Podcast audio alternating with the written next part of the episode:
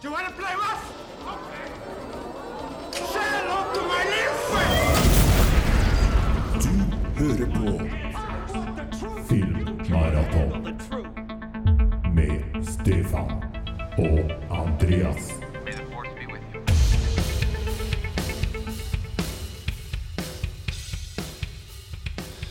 Ja, Stefan, da har vi et nytt studio vi spiller inn i. Ja, enn det. Et bærbart studio. Ja, så nå sitter vi faktisk i leiligheten din på Tempe i Trondheim. Ja, det gjør vi. Jeg kikker meg jo litt rundt her og ser at du har jo mye utstyr. Det er, det er mye videofilmer. Det er både mye videofilmer og TV-er og ja, et keyboard har du òg. ja, jeg vet ikke hvor jeg skal gjøre det av, så det, det, det ligger noe nede på gulvet. Nei, er det ingenting du mangler, da? Jo, jeg, jeg skulle ha faktisk hatt meg en ny eh, CD-spiller. OK? Jeg Jeg skulle ha hatt meg for at den, eh, den CD-spilleren jeg har nå, som jeg fikk i på Fretex for et par år siden, den er så kresen. Den, den tåler ikke et eneste hakk. Nei. Gjør den ikke. Og jeg har mye De, de fleste CD-ene mine er ren også, men, eh, men det kunne ha vært greit å ha en, eh, en ny en. Ja, for du foretrekker fysisk format når det kommer til musikkavspilling òg? Ja, det, jeg er ikke like, like nazi der som jeg er på film. Nei. Men eh, hvis jeg skal kose meg med musikk, så er det å sette på en CD som, som jeg liker best, ja. Ja, jeg har sjekka litt ut for deg hva som finnes her, da. Jaha. Eh, og da er det jo hifilife.no. Vi bruker det, er jo vår samarbeidspartner i denne podkasten. Mm. Og Der ligger det en uh, Marantz, et musikksystem kalles det. Det er jo en CD-spiller, men har jo både DAB pluss radio og et eh, ja, streaming streamingmuligheter. Altså du kan Ja. koble på en mobiltelefon med f.eks. Spotify, hvis du vil høre på det. Det høres jo veldig, veldig snedig ut. Ja. Har den kassettspiller òg, eller? Dessverre ikke kassettspiller. Nei. Um, Men det går an kanskje å koble på en Walkman eh, eksternt? Det gjør sikkert det. det. Den har sikkert lydinnganger. Jeg jeg vet ikke om jeg får til å se Jo, ja, masse lydinnganger på baksida her. Så hvis du kjøper en Walkman, så får du til det. Det blir greit, det, sjø. Ja, så kult. Ja. Ja, ja men da skal jeg, skal jeg vurdere den. Ja, vurdere den. Den ligger ute nå på hifilife.no, så du kan gå inn og kjøpe den direkte derifra, eller stikke innom butikken i Hummelvika. Ja. Jeg regner med du får en god deal nå som du har plugga den på radioen. ja, det skulle jaggu bare mangle. Ja, Nei, men da så går vi til podkasten, vi. Det gjør vi. Jepp.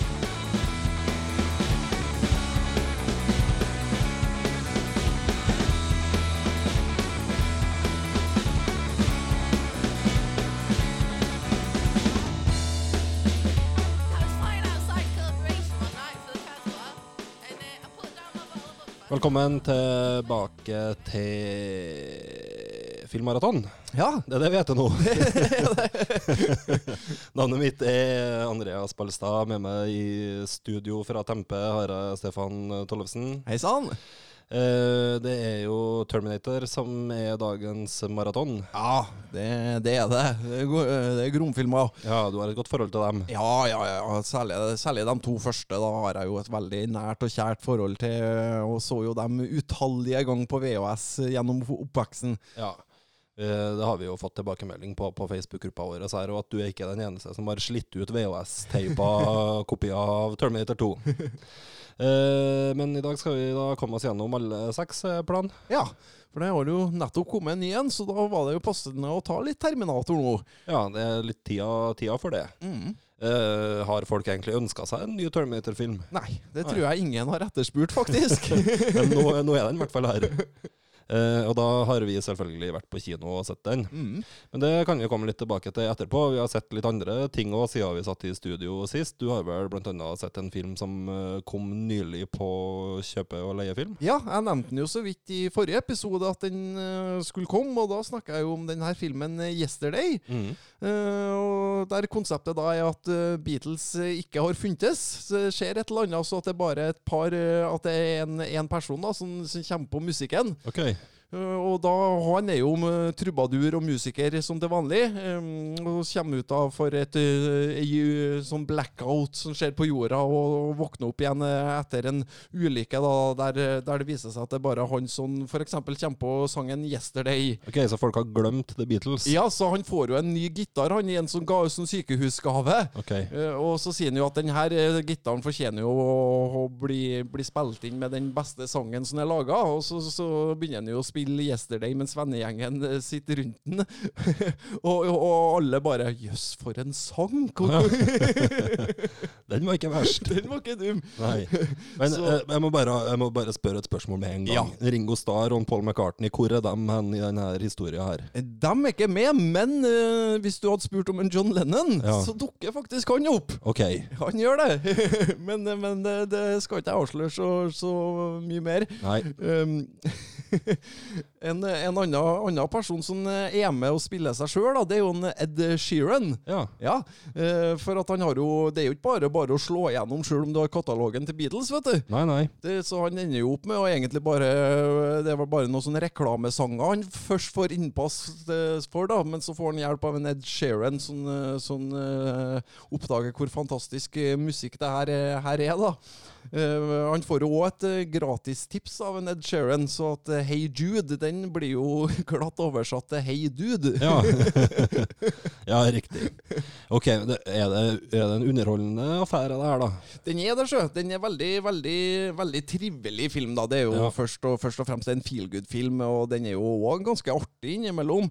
Øh, så har man jo blanda inn i en sånn kjærlighetsstory. Den syns jeg vel kanskje bare funker delvis, men den, den må nok være der òg, på en måte, for å få, for å få karakteren til å skjønne, skjønne hva han holder på med. Ja, det hører med. Mm. Så Nei, skal jeg ende opp på en eh, terning på den der, så eh, sleit jeg veldig om den er en firer, eller om den faktisk er en femmer. Ja. Eh, og jeg lar det at det er så fantastisk musikk gjennom hele filmen, for det er jo hele katalogen til Beatles, eh, og det, det er jo ikke noe å si på den. Eh, så det, pluss at, eh, at filmen er original, da. Jeg har Mm. ikke sett denne her historien før, gjør at jeg faktisk ender opp på en femmer på den. ja. Så i episode fem så slår du til med din første femmer. Det gjør jeg. Det er jo Danny Boyle, det her, kjent fra Trainspotting og Slumdog Millionaire, og åpningsseremonien fra OL i London Ja. og mye forskjellig. Den er, ligger nå helt klart i mer Slumdog Millionaire-landskap enn Trainspotting-landskap, den her. Ja. Det er ikke noe tvil om. Nei, ligner litt mer på den i tone. Mm. Ja. Nei, men det er anbefaling der, da. Det er det, iallfall, i hvert fall hvis du er glad i Beatles. Ja. Og i film. Ja. Ehm, jeg tenkte jeg skulle gå sånn veldig i dybden egentlig på, på mine ting. Jeg har sett litt forskjellig, forskjellig nå, når vi for en gangs skyld ikke har måttet sett 20 skrekkfilmer. Til en episode så har jeg fått sett meg opp på litt andre ting. Og da har jeg sett eh, Jeg vil dra fram to kalde comeback-filmer. ja. Eh, Den ene heter for 'Dolomite Is My Name' eh, og er med Eddie Murphy og en haug andre skuespillere. Den andre heter for 'Peanut Butter Falcon' og er ja, blant annet med Shia LaBeouf. ja. Uh, og begge de to tenker jeg at det er interessante og gode filmer på sin, på sin måte. Og, men det er òg kanskje å uh, like interessant fordi de her to skuespillerne faktisk uh, gjør gode roller igjen, og man blir litt minnet på at de liker dem egentlig, begge to. Ja, ja, men det er bra. Eh, 'Dolomite Is My Name' eh, er jo en slags biografifilm om han her, eh, om han her amerikanske komikeren på, som slo gjennom på 70-tallet med sånne Black Exploitation-filmer som tok utgangspunkt i, i mer sånn hobo legends, på en måte, og skapte en, en karakter rundt, rundt det. Ja. Eh, der Eddie Murphy da spiller, spiller hovedrollen i, i, i den. Eh, den kom rett på Netflix, Mm. Uh, og er på en måte en, en av de titlene som det har vært litt, uh, litt interesse rundt der i, i, i høst.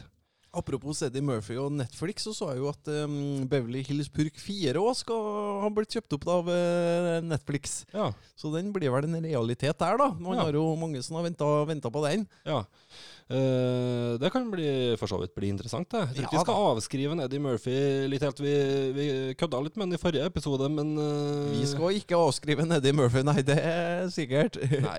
Men her spiller han i hvert fall rollen som Rudy Ray Moore, som eh, da skapte denne karakteren Dolomite, som ble en overraskende hit på kino på 70-tallet innenfor denne blaxploitation-sjangeren. Mm. Eh, det er massevis av eh, komikere og andre store navn som er med her. Keegan Michael Key, eh, Craig Robinson, Titus Burgess, Snoop Dogg har en liten rolle. Og. Chris Rock har en liten rolle. Men ikke minst så dukker det opp en luring. Jaha. Og det er en Wesley Snipes, Ja vel! eh, som har en av de større, større rollene her, som spiller på en måte den regissøren til film, filmen som en, eh, Eddie Murphy sin karakter Ja, opp med å lage. da. Ja, Wesley Snipes er en, en kar vi har savna og sett litt på lerretet i det siste. Ja, så hvis du liker Eddie Murphy og Wesley Snipes, og det skal du være litt rar for ikke å gjøre, da, tenker jeg da.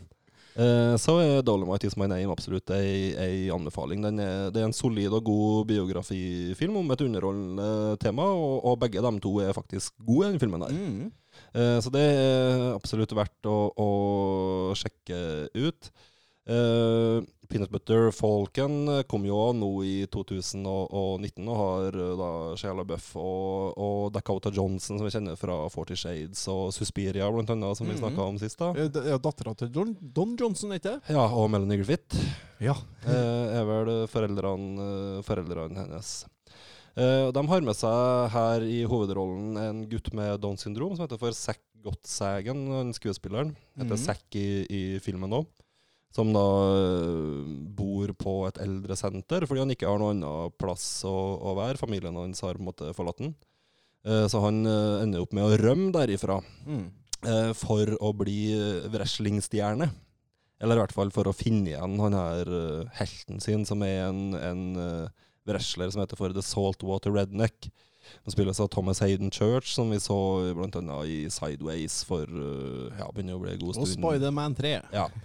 Um, og da får han hjelp av sin romkamerat, som er en Bruce Dern, da, uh, som hjelper han med å bryte seg ut fra eldresenteret. Og så møter han på veien da Shia LaBeouf, som er Uh, har sine egne ting å, å slite med, men de blir nå en slags duo, de der to, litt på, på rømmen. Mm. Uh, Shia LaBeouf er veldig er en veldig god skuespiller, som er litt lett å glemme fordi han gjør så mye rart. Han var jo med i alt han er en periode fra ja, slutten av eh, t- til 2000-tallet og fram til 2010 eller noe sånt. Nå, så Ja, jeg husker jo fra Transformers, sånn, så begynte, eh, når han slo igjennom, så ble han jo snakka om som muligens den neste Tom Hanks, Ja, nesten. ja, Fordi han har sånn Han har et eller annet, en kvalitet som veldig få andre har. mm, Jeg ble nok litt lei av trynet hans ei, ei lita vending. Eh, men samtidig så, så har han jo absolutt noe for seg. Absolutt, og jeg syns han er på sitt aller, aller beste i den, eh, i den filmen her. Og den, det er en film som har et veldig tydelig kan si, et, et hjerte, og er en slags sånn road movie som ender opp med ja, et litt uh, uvanlig vennskap, som ender opp med at man på en måte finner seg sjøl og hverandre og sånn. Så det er ting vi på en måte har sett før, men, eh, men med en vri vi kanskje ikke har sett så, så men, ofte. Men vil du kalle en, en Er det en slags feel good-film, det her òg, eller? Det, det er det. det er, den er i krysningspunktet drama, komedie, og, og er helt tydelig en, en feel good-film. Mm. Eh, så den kan man eh, få med seg etter hvert, tenker jeg. Jeg så den på, på amerikansk eh, iTunes, så den har nok ikke hatt release i Norge helt ennå. Men for dem som er litt tålmodige, så dukker den opp etter hvert. Hvem anbefaler du mest av den Eddie Murphy-filmen og Shia LaBeouf-filmen, da?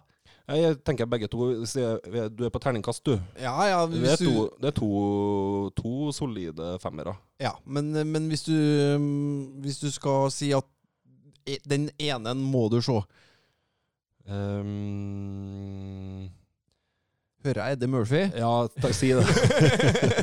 Men det, hvis, jo, Wesley Snipes blir liksom tungen på Ja, vektskålen ja, ja. her, da. Eddie Murphy, Shia LaBeouf, det er jevnt, men den, den ene filmen har den Wesley Snipes, og det har ikke den andre. Nei.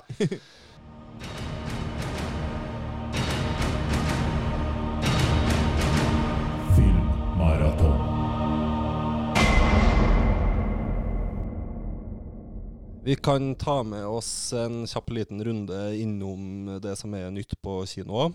Eh, Her eh, prøver vi å oppdatere våre følgere på Facebook ganske jevnlig på det som, som kommer, så folk får jo med seg mye av det. Men vi har jo en to-tre titler som er interessante nå i løpet av de neste ukene. Eh, den helga her som var nå, så kom jo for det første Midway, altså nye fra Roland Emrik. Ja, ja, ja, han har eh, slått på stortromma igjen. Ja, det beskrives jo som eh, årets største krigsfilm, og så kan man jo sikkert diskutere om det er det samme som årets beste krigsfilm. Det kan man sikkert diskutere, ja. Eh, det er andre verdenskrig, det er noe borti The Pacific, da. Det er japanerne som er fienden her, og det er ja, det amerikanske flåten det foregår rundt. Eh, fryktelig lang uh, rolleliste. Jeg tror ikke vi bruker tid på å gjengi den, uh, den nå, men, men ja, det er en klassisk Roland Emrik-film. Det er stort, og det bråker, og det er Og patriotisk, vil ja, jeg tro. Ja. Uh, han er jo opprinnelig fra Tyskland, en Roland Emrik, men han er vel eh, domesticated American så god som noen annen. Ja, altså Hvis du ser på katalogen hans, i hvert fall, så er det få som har å se amerikansk patriotiske filmer som det han har. Ja, det stemmer nok, eh, stemmer nok det. Så Hvis det her er noen ting for, eh, for deg, så ser du den. Det er sikkert en del som er interessert i å få med seg den. Jeg vil tro at den den er jo helt sikkert Ser jo sikkert veldig bra ut, og jeg vil jo tro at den kanskje eh, minner litt om The Patriot da, med Mel Gibson. Eh, og den, den likte jeg nå veldig godt, egentlig. Ja, Hva syns du om 2012, da? Nei, den likte jeg ikke. Og, og den kanskje aller verste, verste filmen som jeg nesten har sett òg, det er jo Roland Emmerich, og det er den derre 10,000 BC. Mm. Helt forferdelig film. Ja, den, den er virkelig dårlig. Det høres ut som en litt sånn kul idé i utgangspunktet, at man prøver å si noen ting om våre forfedre, Ja, ja, ja. sagt, men som Men- bare ikke De tar jo ikke historien alvorlig, de bare finner på ting. og, i forhold til, altså Man levde jo ikke sånn på den tida, og, og så videre og så videre. Så de, den har de virkelig sausa til, altså. Roland Emmerich, det er litt på godt og vondt. Han har jo Universal Soldier òg, det må vi ikke glemme. Det må vi ikke glemme. den, kan vi, den kan vi gi en liten shout-out Ja, faktisk. absolutt. Ja, nei, nok om uh, Midway. Det interessante som skjer den eh, helga her, er jo egentlig Doctor Sleep. Ja. Uh, du har jo fått med deg den. Ja, ja, ja, ja. Det er jo oppfølgeren til Ondskapens hotell. Ja, det er jo det. Det, det må jo være basert på Stephen King-bok, det her òg, da. Ja, han skrev vel den Dr. Sleep for ikke så veldig mange år siden, faktisk sjøl, som en oppfølger til hans eh, The Shining, da. Mm. Da er det Ewan McGregor som er, spiller den voksne Danny. Ja. Og den voksne Tony, da, sikkert. ja. Det må jo bli det. Det må jo, må jo bli det. Som eh, etter hvert, hvert fall, så hvis jeg har forstått det riktig, reiser tilbake til Overlook eh, for å møte sine demoner der en gang til. Mm.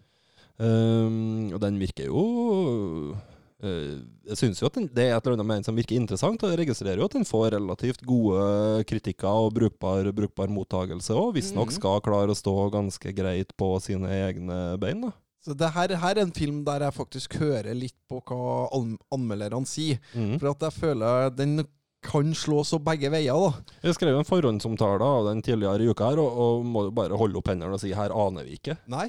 Tør ikke å spå noe som helst. Men, men det virker jo ut som at den blir veldig godt mottatt sånn jevnt over. Mm. Og så Ewan McGregor er jo, en, er jo en veldig god skuespiller, da. Det kommer vi, nå, kommer vi jo uansett ikke utenom. Nei. Um, så um, Men eh, ja, er litt skeptisk òg, sjø.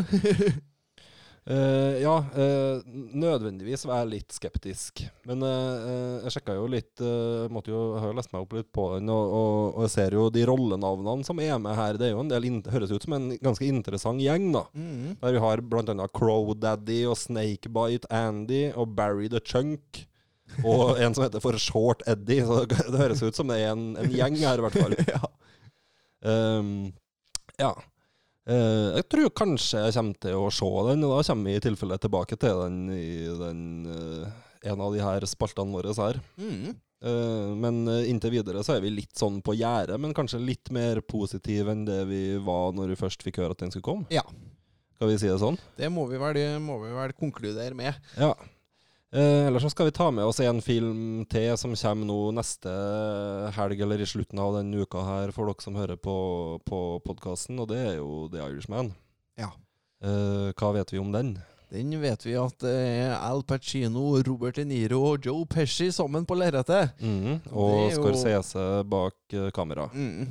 Så det er jo Det er jo litt av noen navn, det. Absolutt. Eh, det handler jo om det her drapet på den her fagforeningslederen Jimmy Hoffa. Mm. Som liksom har vært det her store myten i, i amerikansk eh, ja, moderne historie, på en måte. Hvem, hva skjedde med Jimmy Hoffa? Ble han likvidert av mafiaen, eller hva var, var det egentlig som Har du skjedde sett den filmen Hoffa? Med, Nei. Var det Jack Nicholson som spiller en Hoffa der? Ja, Hvor kommer den noen vei og prøver å forklare hva som skjedde? Ja da, den, eh, den gjør vel det, så vidt jeg kommer på. Det er vel eh, Danny DeVito som har regissert. Mm. Den her er i hvert fall, den er basert på ei bok fra en fra mafiaen, da, som mener at en, en tidligere hitman som på dødsleiet på en måte påstår at han vet hva det var som, som skjedde. Mm. Uh, og, og ja, dreier seg jo rundt, eh, rundt det. Så det er jo kjente ting. Litt i, litt i landskapet sikkert da til både Goodfellas og Casino, men det er vel sagt at den kanskje minner like mye om, eh, om King of Comedy og sånt, nesten i, i uttrykket. Hvis Mm. For dem som kjenner Scorsese sin filmografi. Mm. Så den blir uh, interessant, og den er jo interessant av flere grunner. og det er jo at uh, når Paramount uh, trakk seg her, så hoppa Netflix på og fanga opp The Irishman. Det gjorde de. De store selskapene ville, ville faktisk ikke ta sjansen på den der. Så den, men eh, der ligger det jo òg en konflikt mellom Netflix og kinoer rundt omkring som gjør at den nok ikke får en så stor kinorelease som den ville ha fått hvis f.eks. Paramount kjørte den ut. I Trondheim så går den vel bare på Cinemateket i noen få, få visninger, tror jeg. Det går nok igjen over hele, hele verden, skjønner du, at det er litt den der type release Ja. den får. Og så kommer den nå på Netflix før jul òg. Ja. Så går, er to uker tror jeg den skal gå på kino i et begrensa begrensa utvalg, før den da ender opp på, på Netflix. Ja, og den må vel få noe kinodistribusjon, så at den kan være med i Oscar, eventuelt Oscar-kampanje. Er ikke noe, ikke noe sånt? Jo, Netflix gjorde jo det samme i fjor med Roma, blant annet. Ja. At den fikk bare en sånn begrensa release på å kalle art Arthouse-kinoer og Cinematek og sånne, sånne ting, for å kunne være med for, i, i Oscar-racet. Mm. Der kan jo godt hende at den melder seg på. Nå fikk jo på en måte Scorsese litt trøste-Oscaren sin for The Party i sin tid, så det er ikke sikkert at det blir noe at den får det, får det nå, men øh, vi får se hvor godt denne filmen står på sine egne føtter. Mm. Det er store forventninger. Det er det, så om den klarer å innfri, det, det gjenstår nå.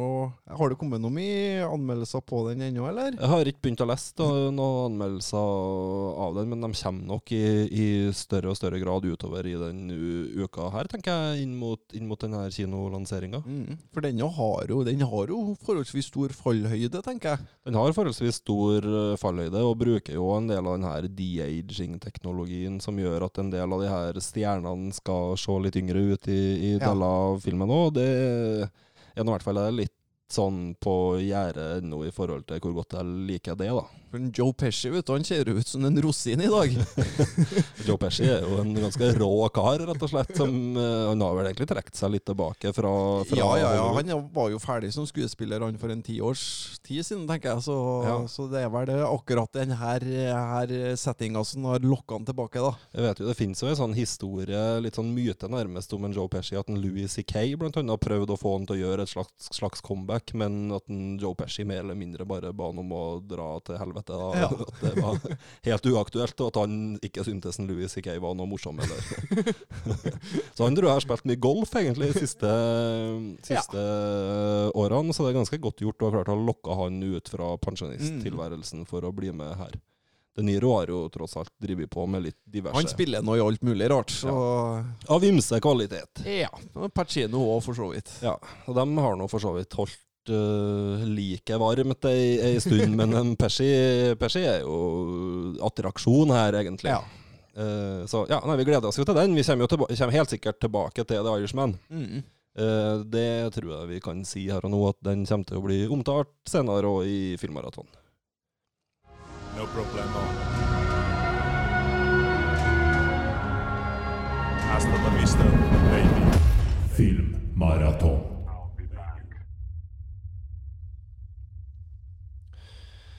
Eh, som nevnt innledningsvis, så er det Terminator som er ukas maraton. Mm. Eh, og da tror ikke jeg vi bruker Vi går ikke så mye rundt grøten, gjør vi det? Vi hopper rett på The Terminator fra 1984. Ja, det gjør vi.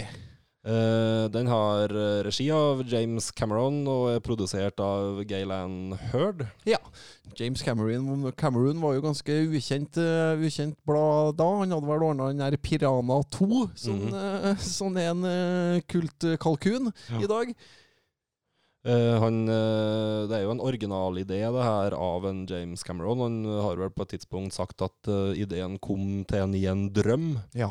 Eh, men så har det jo, var det jo litt kontrovers i årene etterpå om det faktisk var han som hadde dikta opp det her, eller, eller ikke. Ja da, eh, man legger jo merke til på, på filmen, så, så har man måttet lagt inn en 'acknowledgement to the works of Halen Ellison'. Mm. Uh, og det er fordi at han Haaland Ellison han skrev vel en del manus til sånn uh, Twilight Zone-TV-serier og sånne ting. Ja, og litt noveller og ja, relativt kjent, sånn mellomkjent science fiction-forfatter Mm. i USA. Og han på, mente jo det at denne ideen hadde ligna såpass mye da på en idé han hadde eh, skrevet tidligere. Mm. Eh, Så de tørra ikke noe annet enn å, enn å gi en, eh, en kreditt for det. Men eh, det, de, man påstår jo en dag i dag at, eh, at eh, det var helt ukjent for dem, den historien til Ellison. Ja, Samtidig så finnes det vel òg noen sånne TV-intervju der James Cameron fleiper med at det var en rip, at hele ideen var en rip-off av noen noveller og TV-serier òg. Så det, det var, de var jo litt med og kasta bensin på det bålet her, på det bålet her sjøl. Samtidig så hadde jo, hadde jo James Cameron på tidspunktet her lest så mye science fiction og stappa hjernen sin full av det her gjennom barndom og oppvekst, ikke sant? Ja. At uh, det var ikke nødvendigvis, som du sier, et bevisst valg å rippe off han her Halen, Halen Ellison. Men for å være på sikre sida, så, så ga de ham en kreditt. Ja, så det endte opp med et forlik, eh, forlik der, og da er det jo nærmere bestemt denne ideen om en robot som reiser tilbake i tid, som er det som først og fremst er kjernen i hele Terminator-universet. Ja, At når østerriksk eh, aksent, det tror jeg ikke var, var i den der eh, Ellison-versjonen. relativt, relativt tvilsomt. Og det var vel kanskje heller ikke James Cameron sin opprinnelige plan at han skulle ha det heller. Han har vel sagt at, um, at hans absolutte førstevalg i rollen som The Terminator var Lance Henriksen, og at uh, rollen i noen grad ble skrevet med han i, i bakhodet. Det ble den. Da var jo tanken at det skulle være mer en sånn eh, menneskelig terminator som kunne blende inn overalt, som på en måte ble usynlig i mengden. Så, mm. Hvilket en Arnold ikke er, da, men en Lance Henriksen kan jo godt se for deg er en sånn der anonym type. Og Lance Henriksen nå er jo eh, Han er jo med i Terminator 1. Mm. Eh, spiller jo politimann. Mm. Men, eh, fikk, men endte ikke opp med rollen. Og det var vel litt en sånn karusell her i forhold til hvem som skulle spille de her viktige, viktige rollene. For i tillegg til den her Terminatoren, da, som er Arnold Schwarzenegger sin rolle, den her drapsroboten, så har du òg den her rollen som Kyle Reece, Ja. Som er den andre det, det mennesket som reiser tilbake i tid for å prøve å stoppe Terminatoren her, da. Mm. Uh, og jeg regner med de fleste vet at, uh, at uh, kjernen i, i det her historiene er å prøve å på en måte hindre en ja, altså I, i framtida så har robotene veldig enkelt uh, tatt over, og så det, har menneskene gjort et slags opprør og klarer å, å slå dem tilbake under ledelse av den her John Connor, som er en slags sånn opprørsleder. Mm -mm. Og så er målet på en måte å prøve å få drept han før han i det hele tatt blir født, eller uh, ja. Vi får jo en del scener òg i den første Terminator-filmen som viser på en måte da verden, eh, verden etter eh, atomkrigen. Mm. Uh, man ser jo i dag at det er jo veldig utdaterte effekter. Uh, samtidig så syns jeg de er veldig sjarmerende. Jeg Absolutt. liker sånn der stop motion-effektmakeri, men, men uh, den Terminator 84 hadde jo såpass lavt budsjett, så de hadde jo ikke, hadde jo ikke de helt store pengene å legge inn på det heller. Men jeg syns det funker. Det funker. Altså, jeg tar heller en litt dårlig stop motion. eh, enn en dårlig CGI-scene. Det, det er i hvert fall sikkert. Ja, for du, du er litt inne på, den ble lagd for seks millioner dollar, og endte jo opp med å spille inn over det tidobbelte av det, som på en måte var startskuddet på, på hele det her universet. Mm. Jeg tror jeg vi kan komme litt tilbake til å diskutere senere om hvor langt fram i tid hadde James Cameron planlagt når han la, lagde The Terminator 1, Mm. Uh, og i hvilken grad fungerer egentlig de her tidsreiseaspektene innenfor et sånn logisk spektrum. Ja, det, Det jeg sånn var- er det med all, alle, alle filmer egentlig som har tidsreise som et element. Du må ikke tenke for mye Nei. akkurat på den der. Det er lurt, lurt å skru av eh, litt i forhold til For der er det plotthull de luxe altså, Ja, ja, ja. Gjennom hele det her eh, universet. Men det kanskje vi kan komme tilbake til I den første filmen så fungerer det på et vis. Ja, ja, jeg syns det, det Jeg svelger det konseptet ganske, ganske greit også. Det, det, det, det går fint. Ja. Eh, det, I hvert fall For å komme litt tilbake til skuespillerne, så var det da Arnold Schwarzenegger som endte opp med å spille The Terminator her, og det var Michael Bean som fikk rollen som, eh, som Kyle Reece. Mm. I tillegg så er det jo selvfølgelig også gjennombruddsfilmen til Linda Hamilton, som spiller Sarah Connor i denne eh, første filmen.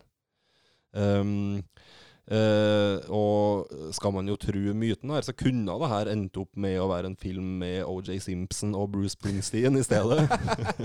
hva, slags, hva slags film hadde det blitt? Det hadde vel ikke blitt den store klassikeren som er i dag. Det tror jeg en Arnold nesten var, var litt eh, av, avhengig av han, også. Men, Mm. eh, men at det kunne ha vært en kul 80-tallsflikk, det tror jeg absolutt. Det var massevis av navn som var inne i bildet her. James Cameron har vel delvis avkrefta myten om at OJ Simpson var veldig nært å få rollen som Ja. The Terminator. Eh, Da var nok Lance Henriksen, som vi nevnte i sted, nærmere. Mm. Men du hadde jo Christopher Reeve, Mel Gibson, Matt Dillon, Kurt Russell, Tommy Lee Jones. Til og med Sting var jo inne i miksen her blant Mm. folk som kunne ha endt opp med å blitt casta i rollen enten som The Terminator eller som Kyle, Kyle Reese. Mm. Eh, så det var jo Ja. Men tilfeldighetene ville det sånn Nei, tilfeldighetene er ikke rett å si heller, men det, det, det endte opp sånn med at det var Arnold som fikk denne rollen. Ja.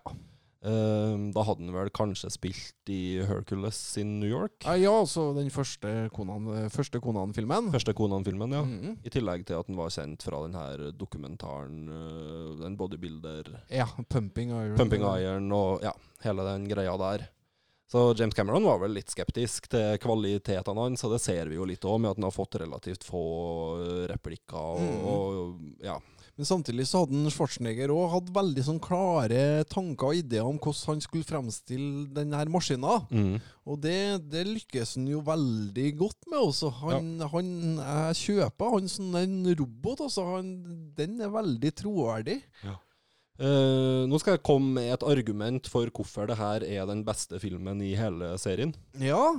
Eh, det er jo kanskje ikke helt ukontroversielt. Det er nok uh, lett å si at Terminator 2 er den virkelig store klassikeren her. Ja, jeg må, nok, jeg må nok føye meg til at det er vanskelig å komme unna toeren hvis vi skal komme på rangering her, men samtidig så eh, mener jeg at Altså, på, ter, på terningkast så er Terminator 1 en terningkast 6.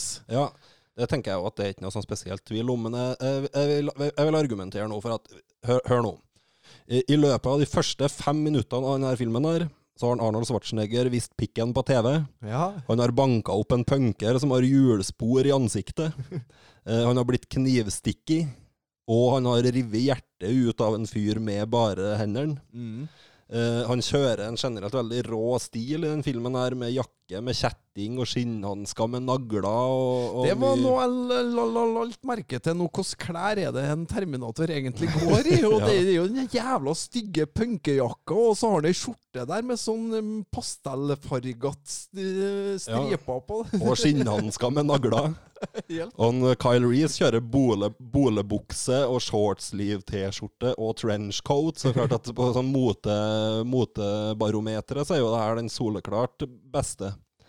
Eh, og Du var litt inne på effektene i sted. Jeg syns den her har de beste effektene. Den kjører modeller og stop motion og mekaniske figurer, og det er langt mer sjarmerende enn nå CGI noen gang klarer å bli. da. Ja, men samtidig ser man jo at flashback-scenene i Terminator 2, som fremdeles holder seg på stop motion, eh, Det hakker jo litt. eh, er jo, er jo atskillig, atskillig mer troverdig enn enn i Terminator 1, da. Ja, Tross alt. Ja, og vi var litt inne på det òg. Arnold prøver ikke å være noe mer enn han er er her. Han er ei drapsmaskin og en robot og gjør det perfekt. Mm. Uh, og jeg syns kanskje også at det her er den som har de kuleste replikkene, da, med annet 'You're terminated, fucker'. uh, og som eh, er avslutningsreplikken her, men òg selvfølgelig første gangen vi hører både 'I'll be back' og, og, og ikke minst den uh, berømte linja come, it, 'Come with me if you want to live' får jo sin introduksjon allerede her. Mm. Så den er det her eh, Og det der Terminator 2 og de andre filmene etterpå tross alt er litt mer barnevennlig og kan anklages i noen grad for å være varierende grader av litt cheesy, så er det her den som er virkelig Det her er den kuleste og den som er mest badass, da. Det jeg tenker med Terminator 1, som jeg òg funderte litt på når jeg så den igjen nå, at den er jo egentlig ikke så veldig actionfilm som man tenker, tenker Terminator-serien er. Den er jo mer i thriller-horrorlandskapet, faktisk. Der du Mm. har et uh, udødelig monster etter deg, på en måte, som, som du ikke får stoppa. Det er nesten en monster in the house. Mm. Det er faktisk det. Eh, som er det originale konseptet. Den er tight. Den er ikke, sånn, den er ikke for lang heller. Den er liksom Ja, det er ganske nært å, og tenke på hvor vi skal si hvilken av de her filmene, alle de her filmene som er viktigst i et mer filmhistorisk perspektiv, så vil jeg kanskje òg argumentere for at det er den første Terminator-filmen, selv om den andre var en langt større kassasuksess. Ja, så jeg lurer på hva vi hadde tenkt om Terminator 1 hvis den hadde bare stoppa der. Hvis det Mhm. aldri hadde kommet en Terminator 2, hadde mm. da Terminator 1 blitt dratt fram som den klassikeren som den er da? Eller hadde den i større grad blitt glemt? Mm, godt spørsmål. At den hadde vært, kanskje hadde den vært mer en kultfavoritt. Ja. eh, Jeg, da jeg, jeg lurer på det også. At, At den, det er et eh, argument for at Terminator 2 er med og gir den noe ekstra Ja. legitimitet som den ikke hadde hatt uh, med, hvis det bare hadde vært den. mm, Det er et interessant uh, poeng, uh, poeng, det òg. mm. Skal vi gi den uh, noe poeng på en Terminator-skala? Ja, hvor, hvor, hvor går den skalaen, da? Nei, går den ikke fra En kan gå fra én til seks. Vi trenger ikke å gjøre det noe mer jålete enn det. Ja ja, nei, da, den er jo en sekser. Ja. Det er ikke noe, ikke, noe, ikke noe tvil om det. Nei, så den får en sekser av meg òg. En uh, Ja. Får tolv Terminator-poeng fra oss. Ja. Jeg kommer på når jeg kjøpte eh, filmen for første gang på VHS-en jeg eide sjøl, det var i 1997. Mm. Og da hadde jeg sånne eh, tanker om at at jeg, jeg var så bekymra for at om Terminator 1 ikke kom til å bli bra nok om en 10-20 år. Om at den da kom til å bli så utdatert. Mm. Men det er den ikke. vet du. Den holder seg, den holder seg så absolutt eh, over 20 år etter jeg tenkte de tankene. da, Sånn, eh, sånn en litt sånn bekymra tolvåring som, som lurte på hvordan det skal gå med Terminator 1. Generelt har vel ikke ting fra 1984 vært noe bedre enn de er nå. Nei. Det holder seg, heller- heller seg bra, dem. Filmmaraton.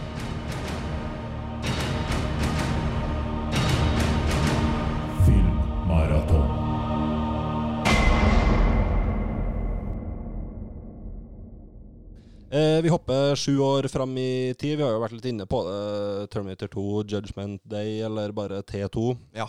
Eh, er vel den mest populære og største filmen i den serien her. Absolutt. Er nok eh, blant de 20-30 mest populære filmene i USA gjennom tidene, tenker jeg. Ja, og hvis vi skal snakke om Ja, hvis vi, hvis vi skulle ha kåra tidenes actionfilm, da, så hadde det egentlig vært vanskelig å komme unna Terminator 2 som en kandidat, i hvert fall. Den hadde blitt nevnt eh, i racet der. Det, det må den ha blitt. Ja, Stort sett den samme gjengen som er tilbake fra den første filmen, men vi introduserer jo Robert Patrick her som den her eh, drapsroboten T1000. Ja, veldig bra spilt av en eh, Robert Patrick, eh, merker det. Motbydelig type. Ja, han, han spiller veldig sånn Jeg vet ikke, sånn litt sånn reptilaktig Ja. eh, robot. Og så det, Ekkel, ekkel fyr. Mm. I tillegg så har vi jo en Edward Furlong her som uh, unge John Connor. Skal vel være ca. ti år i den filmen her. Ja. Uh, det er vel ikke akkurat household names i 2019 her. Nei. Men uh, fikk seg en ok karriere i noen år etter, etter Terminator 2. Edward Furlong har kommet helt bort. Ja, det har han. Han hadde jo, han hadde jo den American History X i Mm. 99. Eh, veldig god rolleprestasjon av ham òg. Mens han eh, godeste mm, Robert Patrick. Ja, han, han fikk jo roller sånn eh, som i Double Dragon og sånn like ja. etterpå, så han har nå vært mye, mye, mye rart. Ja, han ble litt sånn actionstjerne. Kanskje ikke mest, nødvendigvis de mest kredible titlene på blant sine, cineastene, men, men den gjorde det jo, gjorde det jo bra innafor den underholdningsactionen. Ja, Ja. Ehm, hva er budskapet i Terminator 2? Roboter kan ikke gråte, men hvis de kunne, ville de ha gjort det, eller noe sånt i den gata der? ja, det kan man Man kan nok sikkert løfte til et litt mer sånn der Den onde eh, Terminatoren har fått et hjerte her. Ja. Eh, prøver nå i hvert fall å lære seg det Ja. så godt man kan. Eh, jeg vet ikke om du så den eh, kinoversjonen eller den utvida versjonen når du så Terminator 2 igjen nå. Hva ville ha lagt merke til hvis det var den Michael, utvida versjonen? Michael Bean er med i Terminator 2 utvida versjon. Da er han med ganske tidlig der i en, en sånn Ja, det var, han, det var han ikke her. Nei, da så du den originale. Mm. For da er det jo den forlenga der er det jo en sånn scene der han prøver å lære seg å smile. Ja. Sånn er ganske, ganske fornøyelig. Sånn, så den burde ikke blitt klippet bort fra kinoversjonen, spør du meg, men den ble vel lang nok som den, som den er, da. ja, og det kommer jo tilbake i noen av de senere filmene. Og det, et, det spiller jo på det her annet i Salvation. Ja. Eh, akkurat det her, det her smilegreia. Mm. Um, ja. 'Hjelp, min stefar er en robot'. er, vel, er vel en alternativ videotittel her. Ehm, kompisen til John Connor, Tim, han har jo kanskje tidenes hockeysveis. Ja, det, det tror jeg vi kan påstå. Det la jeg godt merke til nå i, når jeg så den, så den igjen. Det er en sveis som vi alle kan misunne den, bare. Det, Den er, den er stilig. Generelt, eh, generelt mye veldig sånn tidlig 90-tallsestetikk her. Mm. Uh, og masse Den er jo superikonisk på alle vis. Du har uh, hagla i roseeska her, som er tøft, ikke sant? Ja, ja, ja. Og du har jo egentlig bare fra starten og eh, der Schwarzenegger lander da i, i nåtid, så går han jo rett inn på en sånn MC-klubb, ikke sant, og Mm. måler til seg de eh, tøffeste skinn, skinnjakkene og solbrillene. Ja. Du har Guns N' Roses på, på boomblasteren. Ikke minst You Could Be, could be Mine. Den var vel spesialordna, faktisk, den til Terminator 2. Ja, han her hagla i roseeska er vel et tydelig nikk til Guns N' Roses òg, så det er jo tydelig Det var et samarbeid mellom to av de, to av de største, kall det underholdningsfranchisene, skal vi kalle det, på tidlig 90-tall. Eh, den raska med seg fire tekniske Oscar. Ja, det var faktisk eh, den første oppfølgeren som vant Oscar, der eh, eneren ikke hadde vunnet Oscar. Mm. Så det var det fram til um, Mad Max Fury Road gjorde det igjen da i senere tid. Mm. Eh, Det er jo en av de første filmene som brukte motion capturing. det her, Og den regnes jo også gjerne som den første filmen som hadde en hovedkarakter som var delvis CGI. Ja. Eh, og det her med CGI følger jo Terminator-franchisen videre, på kanskje både på godt og vondt. da. Mest på vondt etter hvert, tenker jeg. Ja. Men i Terminator 2 så tenker jeg det er mest på godt. Mm. Og det er jo Terminator 2 og sammen, sånn, sammen med Jurassic Park, som var vel egentlig de store filmene som, som introduserte CGI for publikum. Mm. Men det vi, det vi kan se med de to filmene, er at de holder jo seg forholdsvis edruelige når det kommer til den her CGI-bruken. De bruker ikke CGI med mindre at det ser helt troverdig ut. Mm. Og det kunne man ha lært noe av i senere tid. Det kan vi komme litt tilbake til, men definitivt det her er en, eh, den serien her må ta både ære og skyld for CGI-bølgen i, Mm. i amerikansk actionfilm. Eh, det var tidenes dyreste film når den eh, kom. Det kosta 100 millioner dollar å lage den. Ja. Den spilte inn en halv milliard dollar. Og var selvfølgelig den største hiten i verden i 1991. Og som sagt en av de mest populære filmene gjennom tidene. ja. Det er ikke så mye mer å si om den. Folk har sett den og liker den. Jeg har ikke hørt noen da, som misliker Terminator 2. Nei, skal, kan man ta den på nå? Er den litt for lang? Er den Nei, Jeg syns ikke det heller. Nei. Kanskje den, den utvida versjonen faktisk er litt for lang, men ikke, ikke kinoversjon, nei. Eh, ikke noe av effekter som ser noe dårlig ut på noe punkt. Nei, hvor mange Terminator-poeng får den? Den får jo helt klart eh, seks. Ja, den får seks av meg. Og ikke like klink som den første, men eh, det går ikke an å gi den noe mindre. Nei, gjør ikke det. Det hadde vært eh, Det hadde vært useriøst. Men jeg eh, eh, argumenterer vel fortsatt, som jeg sier, for at jeg i hvert fall liker den første l- minst like godt som den, som den her. Ja, nei da, er, de er veldig, veldig, veldig tett, Mm. er de. Men jeg tenker, sånn som jeg sa litt tidligere, at Terminator 2 på en måte har vært med og løfta eneren nå. Mm, ja. Eh, vi går litt videre, tenker jeg, og da er vi vel kanskje der at veldig mange egentlig bare har sett de her to første, Ja. eh, og hoppa av litt, eh, litt der. Iallfall de to første som har blitt sett mange ganger. Ja. Eh, og jeg vet jo, vet jo folk som bare av, av ulike grunner har valgt å ikke se resten, kanskje fordi man er redd for at det ødelegger litt for dem som de to første, hvis man ser dem her som kommer etterpå, som kanskje er jevnt over og ofte blir ja, i varierende grad eh, slakta. Mm. Uh, men det er kanskje ikke bare grunnen til, i hvert fall. Nei, jeg syns jo, syns jo absolutt ikke det. Nei. Uh, vi har jo i Terminator 3. Ja. Den kom jo i, var det i 2003. Ja, The Rise of the Machines. Ja. Så det var jo en, eh, på mange måter en veldig etterlengta oppfølger, det. da. Eh, Mm. Men den kom jo ganske mange år seinere enn Terminator 2. Ja, kom godt tolv år imellom. Ja. Eh, har det. Arnold har jo blitt eh, eldre og ja, ja, i det hele tatt. ja, James Cameron han var vel ikke altså han var vel aldri mer interessert i år, noe mer Terminator etter Terminator 2. Da følte man vel at den historien var ferdig fortalt. Mhm. Men, eh, men eh, produsentene ville jo det annerledes. Ja. Eh, Terminator eh, 3 har jo fått litt en status i ettertid for å ikke være det helt store. Den har det, og det tror jeg nok henger sammen med den statusen Terminator 2 eh, fikk i sin tid. Den er på en måte ja, bortimot tidenes actionfilm, og så skal det komme en oppfølger til den. Ja.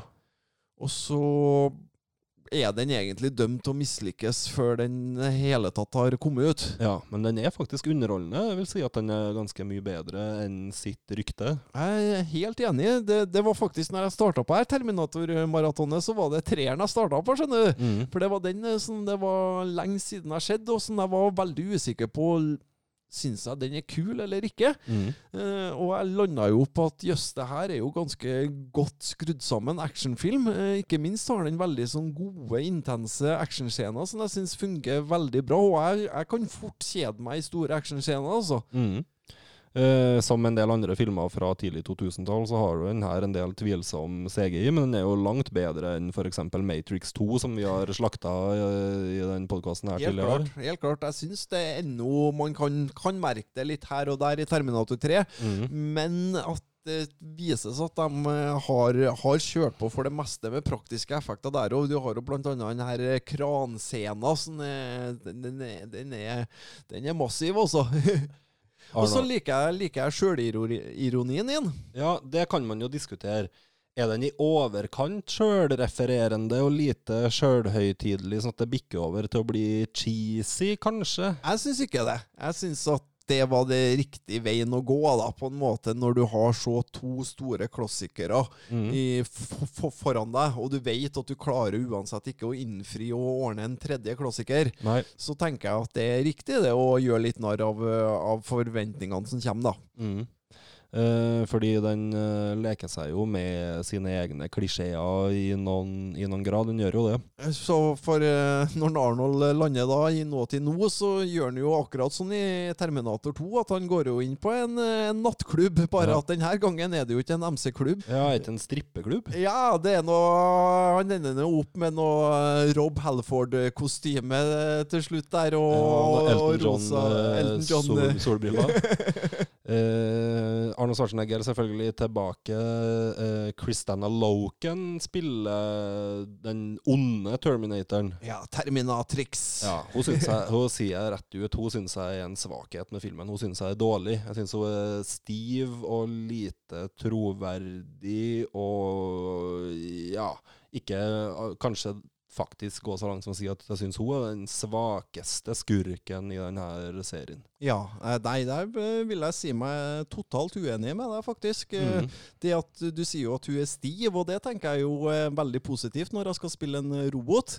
Så det, og i tillegg så ser hun jo fryktelig bra ut.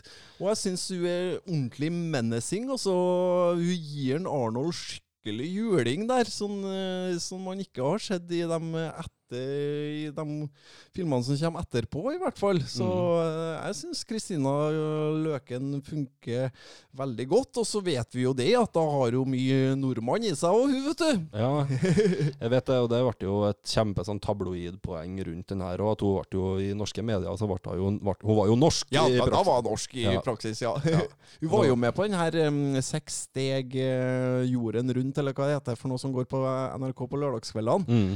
Og da var det jo en, eh, Herman Flesvig og en Mikkel Mikkel Niva. Ja, de skulle, de skulle finne ta, tak i hun. Og mm, ja, hun holdt seg bra ennå, hun altså. Så, så, så, så bra ut. Og, men som hun sjøl sa, at hun kunne jo ikke et ord norsk. Men Nei. hun visste at hun hadde aner fra Sørlandet, da. Ja, riktig. Eh, jeg syns kanskje at det er vel så interessant å snakke litt om en Nick Stahl, som spiller den voksne John Connor, eller i hvert fall den eh, litt eldre John Connor i den filmen her. Eh, han er jo en interessant type på mange vis. Han, han var jo i ferd med å bli en av verdens største filmstjerner på det tidspunktet her. Ja. Han slo jo gjennom på HBO i denne serien Karnivale. Ja og da Eh, hadde han vel hatt noen roller i Thin Red Line og, Og Bully. I, i Bully. uh, og ja, var i, var i ferd med å bli et relativt stort, uh, stort navn, før han da fikk muligheten her i, i, i Terminator 3. ja, da slo han vel ut navn som Jake Gyllenhaal. Ja. Gjør for så vidt en ok figur, og et veldig sånn karakteristisk utseende. Det er ikke noe, ingen andre som ligner på Nick Stahl. Nei. Han uh, Han ser jo rævøl ut. Ja. Han, han, passer jo jeg, Mitt første møte med han var jo sånn han Bullyen i Bully. mm. Og der han er jo så heslig, og utseendet hans passer så uh, godt til det, da. Ja, veldig karakteristisk uh, fjes. og ble jo noen år etter det her òg casta i, i Robert Rodriguez sin Sin City. Ja, det er han spiller er han Yellow, yellow, Bastard. men der, der er han jo sminka til det helt uh, ugjenkjennelige. Mm. Men etter det så kom han jo litt bort. Etter, etter det her så forsvant jo Niksdal litt uh, off-grid, egentlig. Ja, har, er det noen som har sett noen film med Niksdal de ti siste årene? Nei, hva er det som har skjedd med karrieren hans, egentlig? Vi vet jo at det er en del rusmisbruk her. Det, det er det åpenbart, men han har vel uh, rota til seg med, med mer enn det òg. Ja, vært litt inne og ut av fengsel. Ja, uh, ble vel uh, meldt savna av kona hans i 2010 eller noe. Ja, var borte noen uker. Dukka, dukka opp og sjekka inn på rehab etterpå. Uh. Forsvant en gang til. 2012 så kom det nå en del nyhetssaker om at det var en Hollywood-stjerne som hadde blitt arrestert for å onanere på en eh, pornosjappe i Los Angeles. Det viste jo seg da å være eh, Nick Stahl. Ja. Ja, litt, litt urett, litt uheldig Nick Stahl der, da. Hvem som ikke har runka på en pornosjappe, så sier nå jeg, da. Men, eh, Ja. men å bli tatt for det, det er jo kjedelig.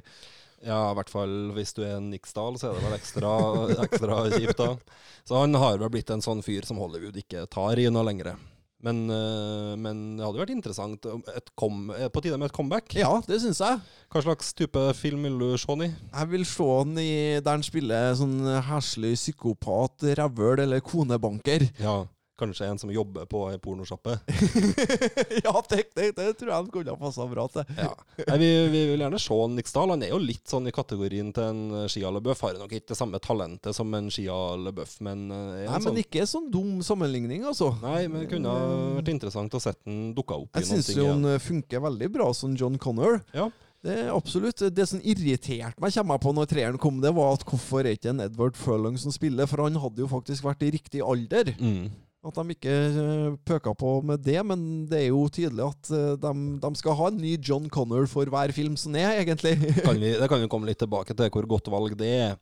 Eh, For der har det vært litt ymse. Men Nick Niksdal er slettes ikke den verste John Connoren. Nei. Eh, hvor mange Terminator-poeng får den her? Jeg gir den en femmer, jeg. Ja, jeg tror jeg gir den fire.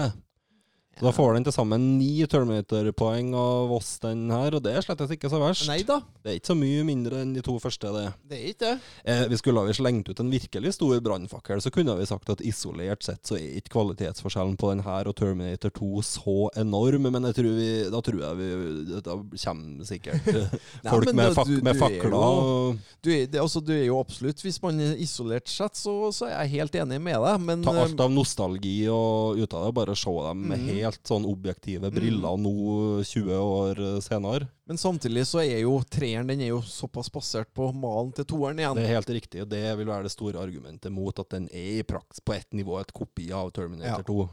Uh, så, så sånn sett så taper den litt på, Mm, på, på det, selvfølgelig. mm. No problemo.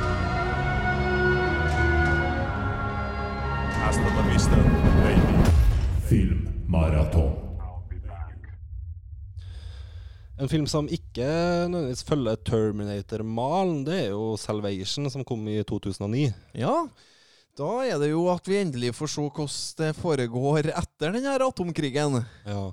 Før vi begynner på den, så må vi si litt om han som har lagd den, for det syns jeg er litt interessant. Det er en, en fyr som har valgt å kalle seg sjøl for MacG. Det har han. Tre bokstaver. Ja, eh, han holdt på å bli frontmann i det her bandet Sugar Ray en gang i tiden, men han falt igjennom som sanger. Å ja. Og da endte han opp med å bli, la, begynne å lage Han produserte dem vel litt, tror jeg, Sugar Ray. Uh, og, og endte jo opp med å, å ha regi på en del musikkvideoer, blant annet Smash Mouth sin All Star og, og The Offspring sin Pretty Fly for a White Guy. Ja, ja. Uh, så begynner jeg allerede å få et litt bilde av hvem han fyren her er.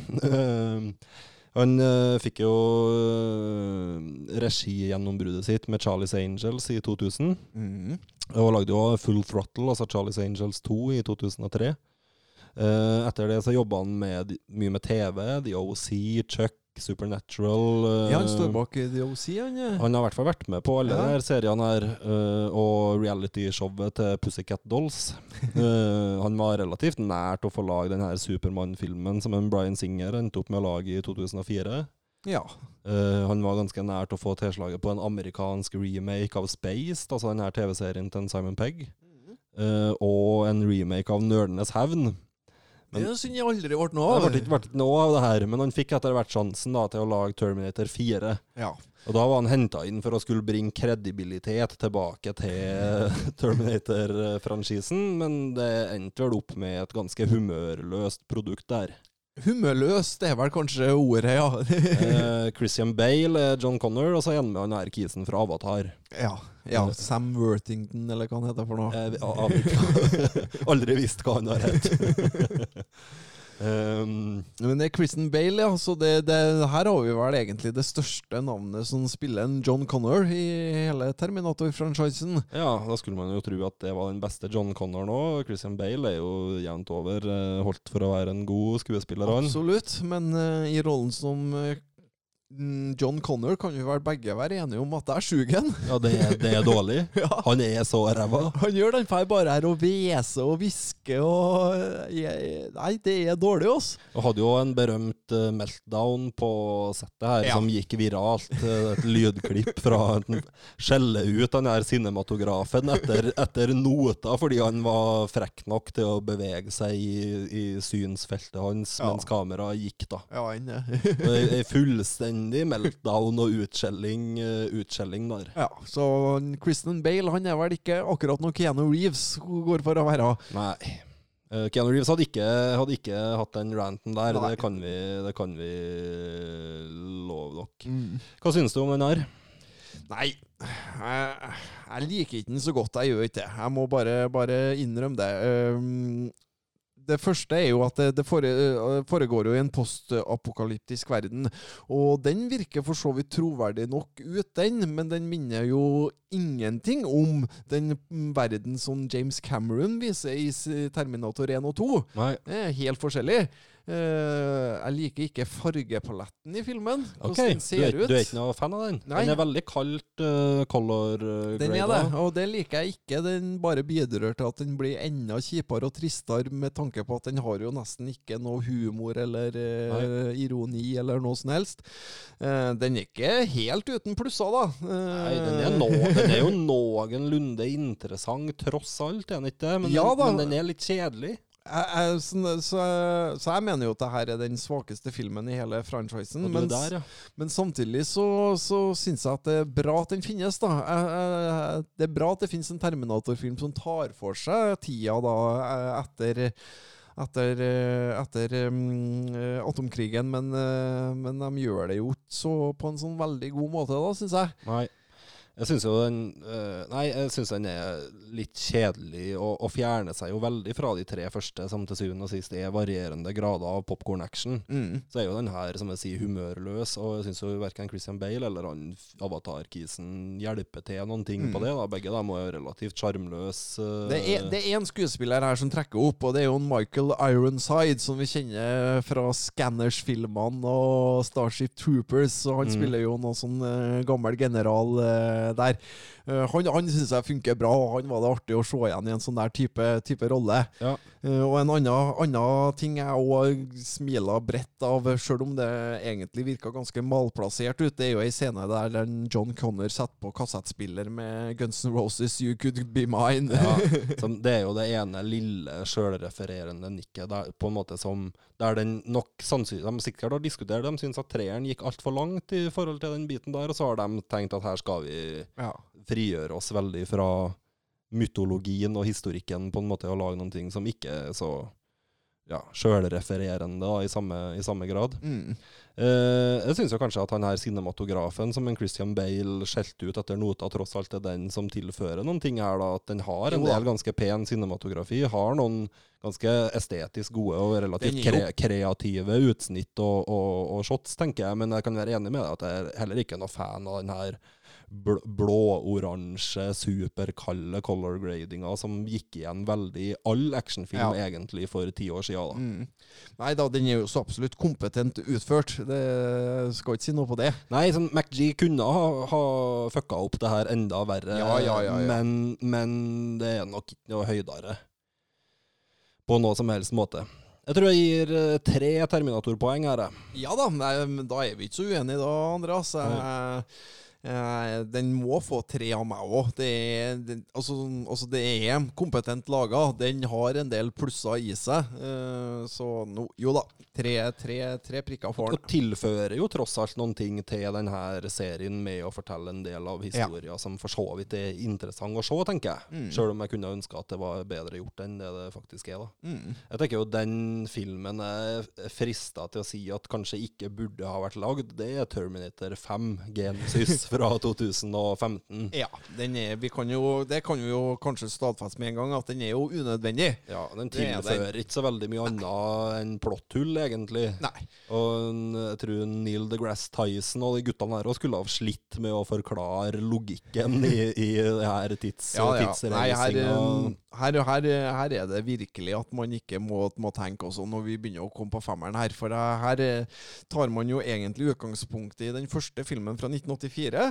eh, Men bare snur opp ned på, på tidslinja, da. For at da viser det seg at, at når Arnold lander i 1984, som han gjør i eneren, så står jo, står jo Sarah Connor klar med noen sånn eh, eksplosiver og bare får, får han satt ut av spill med en gang. Har han med bazookaen nærmest? så- Nei, det er vel ikke det. Det er vel noe sånn rifle. noe Ja, det er noe sånne spesialvåpen de har Ja. fått utvikla. Ja. Og, og alt det der gjorde jo at jeg For den første halvdelen er jo veldig satt i den eh, første filmen. Mm. Og det gjør jo at jeg koser meg, da, vet du. For da, da har du den her nostalgi... Den prøver seg jo på Back to the Future 2-trikset. Ja ja, det er egentlig det den gjør.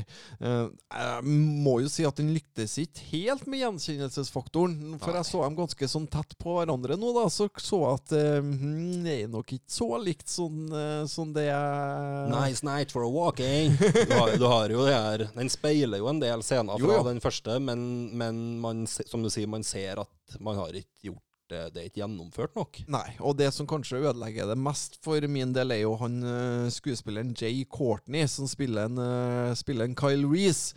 Og har en totalt forskjellig tilnærming til den rollekarakteren enn hva vi er vant med, da. Ja.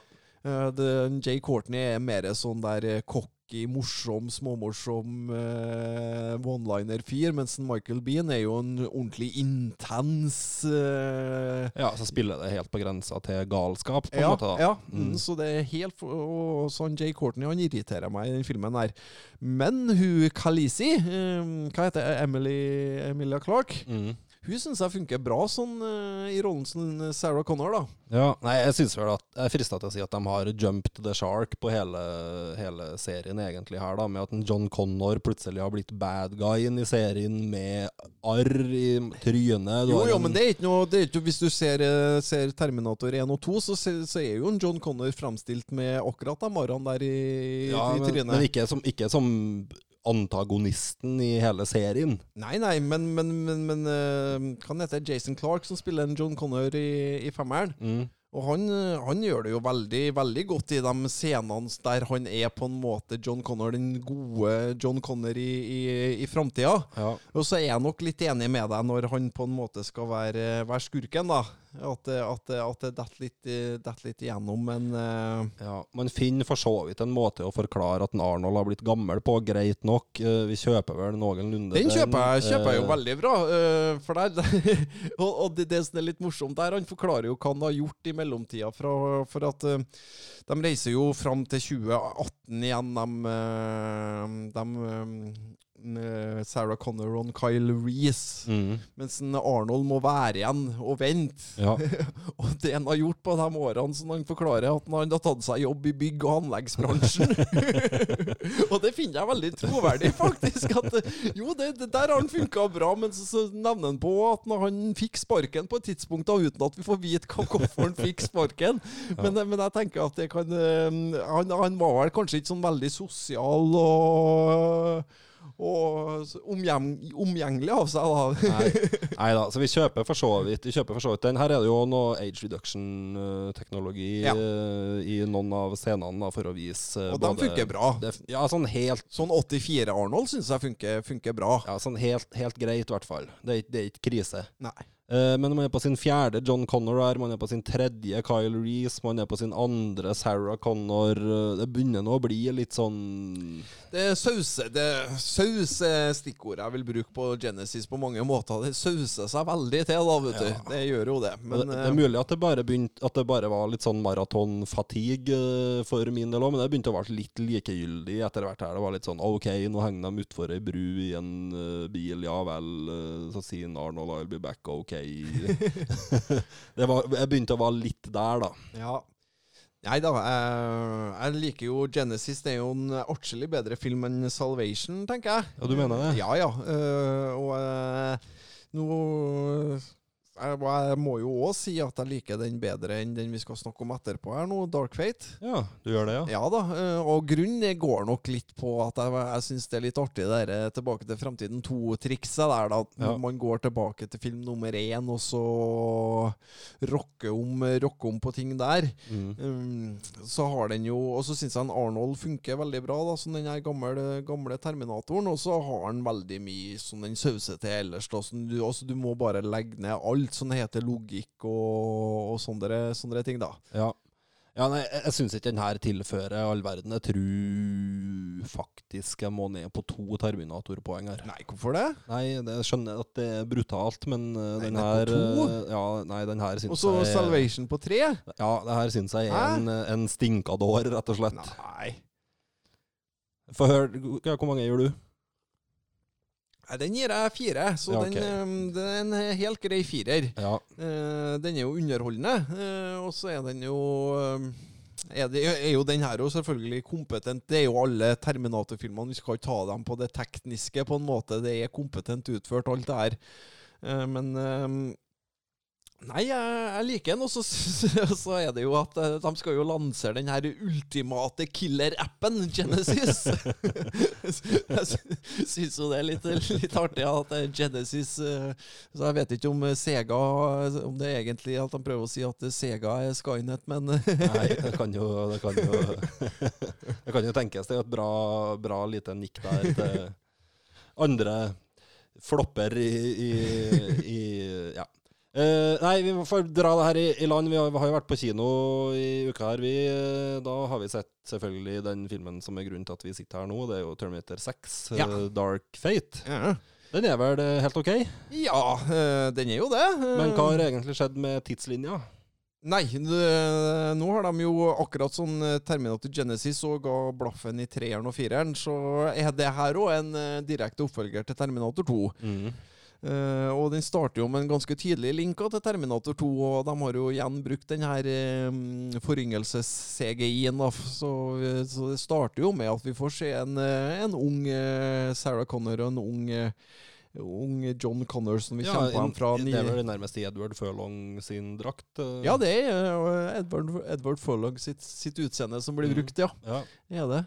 Og det er jo Så jeg vet ikke, skal vi avsløre det som skjer i første scenen? Det er, det det, det er ikke så gærent å spoile det. Nei, det er jo starten. Vi får gjøre det. Spoil, spoil, spoil det. Ja, Hold for øra, dere som ikke Ja, så filmen starter da i 1998, altså ett år etter eh, Terminator 2, der eh, Sarah og John Connor koser seg på ei strand der. Og så kommer det da en eh, Terminator i Arnold Schwarzeneggers skikkelse, en ond en, og bare plaffer John Connor rett ned, så han, han er ferdig. Game over. Mm. Så da har de jo lyktes i det oppdraget. Mm.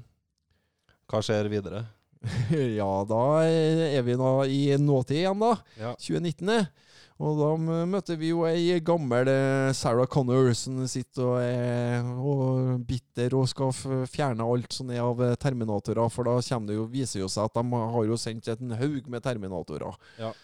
For å fjerne John Connor. Ja, men så er det faktisk sånn at selv om en John Connor er borte, så er det andre, finnes det andre som kan stå opp og bli revolusjonsledere i framtiden. Jeg gjør det. Uh, og her er vi da i Mexico City, og det, det er Natalia Reyes uh, som spiller den her Danny Ramos, som er den nye, nye, John Connor. nye John Connor, på en måte. Eller man tror vel først at hun er den nye Sarah Connor, Ja. men det kommer vel fram at hun er John. Eh, her er det jo um, Mackenzie Davis, som en del kanskje så i denne serien Halton Catchfire Catch Fire, som spiller den snille roboten. Ja. Eller, Hun er eller er hun en robot? Hun, ja, det er en ny variant de har tatt igjen der, da, der det, man tar utgangspunkt i et menneske, og så tar man vel og sprøyter inn og greier som gjør at den får robotegenskaper. Eh, relativt fort så må, må Danny og, og hun her Grace, som hun heter, og da Linda Hamilton, som er tilbake som Sarah Connor, slå seg sammen Mm. for å prøve å bekjempe han her eh, Rev 9-roboten som Gabriel Luna spiller. Mm. Og det er vel i praksis plottet her. Ja. Uh, skal vi si noe mye mer om det som skjer? Eh, Vi må jo selvsagt nevne Arnold eh, sin karakter. Ja, Carl. Carl. Carl, ja. Det, det, det er kanskje det Ikke en Arnold i seg sjøl, men eh, bakhistorien til en Carl der er vel kanskje det jeg sliter mest med med den filmen her. Ja, fordi Carl eh, Det er vel heller ikke verdens største spoiler at Carl er en T800. Nei, han er det da den onde terminatoren som plaffer ned en John Connor i starten av filmen. Mm, han er det. Og er i praksis da en parallell til karakteren til en eh, Arnold Schwarzenegger i den første Terminator-filmen, egentlig. Ja. Eh, Og i motsetning da til i Terminator Genesis, der han bare har jobba i bygg- og anleggsbransjen i mellomtida, så, så har han der onde terminatoren plutselig kommet på bedre tanker da, og begynner å skjønne hva han har tatt ifra Sarah Connor, og, og ender opp med å bli en trivelig stefar med familie og sin egen gardinbusiness. Ja. Uh, han er Carl. Og det, det, det der klarer ikke jeg. Det, det blir litt sånn å tenke på karakteren til en Arnold i den første, første Terminator-filmen og se for seg at hvis han hadde klart å drepe Sarah Connor der, mm. og så hadde han gått på Hadde han stifta familie etterpå det, Altså, det, nei, Kjø, vi kjøper ikke det. gjør Vi ikke satt altså. jo og fleipa litt med Terminator 2 her i stad, at den òg på en måte har Den, den er jo litt sånn her at har Terminatoren et hjerte eller ikke? Kan den lære seg menneskelige følelser? Kan, Jo, jo, kan men, den, men ikke på det nivået det, det, vi kjøper, vi kjøper ikke det. Selv om man på en måte har gått uh, nesten 30, 30 år og levd blant mennesker, så nei. Han er en, en tidlig variant av Og så hadde det jo vært at det vært en senere eh, versjon òg av eh, robotene, så det kanskje kunne, kunne ha blitt forklart. Men det her er faktisk Arnoldsen er i Terminator 1, og der er det begrensa hvor mye følelsesregister det er, altså. Ja, for de her senere robotene som kommer, de er jo psykopater i den forstand Eller altså, de kan jo etterligne menneskelige Mm. følelser i mye større grad, men det er jo Mm. hele poenget med T800-serien som Arnold sin De- karakter de har er i alle filmene. De har sine begrensninger. Mm. De kan, de kan ja, De er ikke veldig gode til å etterligne menneskelige Nei. følelser, er jo på en måte hele, hele premisset her. Mm. Mens de her um, antagonistene i mye større grad kan det, da. Mm. Så ja, jeg er helt enig. Jeg kjøper ikke, kjøper ikke det.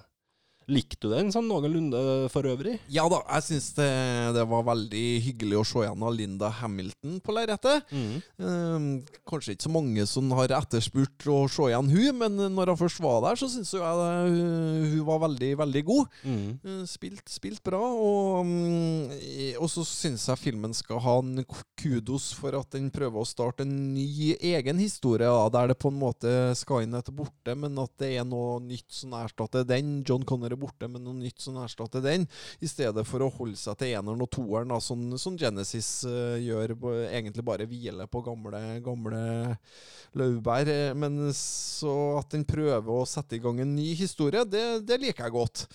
Um, så Og så er det jo eh, sånn som vi kanskje snakka om litt før innspilling, om at, eh, om at eh, actionscenene i de tre siste filmene de er ikke like engasjerende som de er i de tre første. Nei. Jeg syns det for så vidt var artig nok i starten å få introdusert det her nye universet og de her nye karakterene, men på et eller annet tidspunkt så blir den litt som veldig mange andre moderne actionfilmer, at det siste halvtimen, tre kvarterene, er bare sånn CGI Mm. Eh, klum, klumper som smasher inn i hverandre, som vi kanskje må legge litt skylda på. Transformers-franchisen for, egentlig. Ja. Eh, så den, har, den er litt uh, Den er faktisk Den er litt der. Den gjør ikke noe spennende og noe interessant å tenke på sånne filmer. De nye, moderne actionfilmene vi liker best, som kanskje er sånn som Mad Max og, og John Wick og, og, Mhm. og de seriene der, så gjør jo dem sinnssykt mye mer interessante ting med actionfilmsjangeren enn, det, enn det den her klarer å gjøre, da. Helt Og det er litt, eh, det er litt Terminator-serien sin store Sitt problem i noen grad òg, er at CGI-en tar over på et tidspunkt. Mhm. Den, den, den gjør det. Jeg må innrømme jeg satt den siste eh, så den jo ganske seint på kino. Jeg, satt, jeg tok meg sjøl i at jeg satt litt sånn og var trøtt og, og ville at det skulle være ferdig, så jeg kunne hjem og legge meg. Mm. Eh, men ja, den, den er ok, altså. Jeg syns den er bedre enn uh, i hvert fall femmeren, og muligens òg bedre enn fireren. Ja, jeg syns ikke mm, den er bedre enn femmeren, men den er bedre enn fireren. Ja. Uh, den er ikke veldig mye dårligere enn femmeren ellers, så jeg tror nok jeg må gi den fire, den òg. ja. Den får enten tre eller fire av meg. Jeg kan kanskje være med på å gi den fire. Og, Og så hadde du Så to hakk opp fra Genesis? Ja Nei, vet du det jeg, jeg likte ikke Genesis. Jeg. Den funka ikke for meg. Altså. Den, nei, den kunne de egentlig Det er den jeg mener de kunne ha, ha latt være. Så får vi se om folk er enige med oss i, i, i det, men den, ene, den siste ender i hvert fall da opp med åtte Terminator-poeng fra oss. Det er ikke så verst. Nei da. eh, Hvordan eh, Har du notert av meg poengene, eller? Nei, vi får, det får folk Det får folk høre tilbake. Neida, Men, men hvis, vi skal, hvis vi skal ta en rangering, da, hvis, eh, så må vi vel ta eneren og toeren på en delt førsteplass her nå, da. Ja, For begge de fikk tolv poeng. begge de fikk tolv poeng. Ja, og så har vi vel og, og hvis jeg hadde fått bestemme, så hadde Terminator 1 vunnet. Og hvis du hadde fått bestemme, Ja. så hadde Terminator 2 vunnet. Ja. Ja. Så da tar vi den på delt. Og så har vi, er vi da enige om at Terminator 3 blir den som kommer etter der. ja. Og så, Terminator 6. mm, og så blir det vel i et kompromiss her, så blir det vel Dark Fate som fort kommer etter den, da. Eh, Ja, som blir, som blir Dark Fate blir på fjerdeplass, ja. Mm, og så blir det vel eh, Genesis eller Salvation. Hvordan blir det vi ender opp på poengene der, da? Eh, jeg mener Genesis er den svakeste. Ja, jeg mener Salvation. Salvation. Ja. Ja, Vi tar dem på delt sisteplass, da. Ja, det får, eh, det får bli delt sisteplass der. Uh, treeren og sekseren er, er helt kurant midt på, midt på treet, og, og, og fireren og femmeren er ganske svak. Mm. Men jeg liker treeren bedre enn sekseren igjen, ja. Sånn hvis en skal Ja, enig. Ja. Enig. Vi som må velge blant, blant dem. Så det, det er greit. Det, jeg syns den er tydelig, tydelig hakket bedre. Ja. Eh, ja, nei, men uh, greit. Eh, folk får nå bare se Terminator. Vi er nå ikke ferdig med Terminator, sikkert. Nei, spørsmålet Det kommer sikkert en Terminator 7, da, som er en direkte oppfølger til treeren igjen, kanskje? Om de skal spinne litt, videre på den storyline. Men orsken, orsken noe mer, han vår østerrikske venn, begynner det å gå mot Jeg tenker vel at det er vel den som er glansrollen hans, da, så øh, Ja. Det er ikke så verst form. Nei da, Arnold funker greit som gammel Terminator, og så jeg vil ikke si noe sånn særlig negativt med det, men det var på en måte forhistoria i Dark Fate som jeg ikke klarte Jeg å orker ikke å se Carl noe mer, altså. Nei, Jeg kan spare meg for en Paps fra femmeren. Ja. altså. Jeg kan- han jeg blir vel oppgradert en T1000 til slutt. En Carl, er det ikke det han blir? En Carl Han smelter. Ja. Uff, nei. Ja, det, det er et eller annet som skjer der. Den tar, det blir noen Han smelter litt. Jeg mener det slutter med at han sier I just got a upgrade. Ja. ja, nei, men uh, Terminator uh, er jo litt ujevne affærer, da, kan vi si, fra de her virkelige superklassikerne vi fikk på 80- og 90-tallet, og fram til litt mer ujevne som har skjedd utover i vårt uh, årtusen. Mm. Filmmaraton.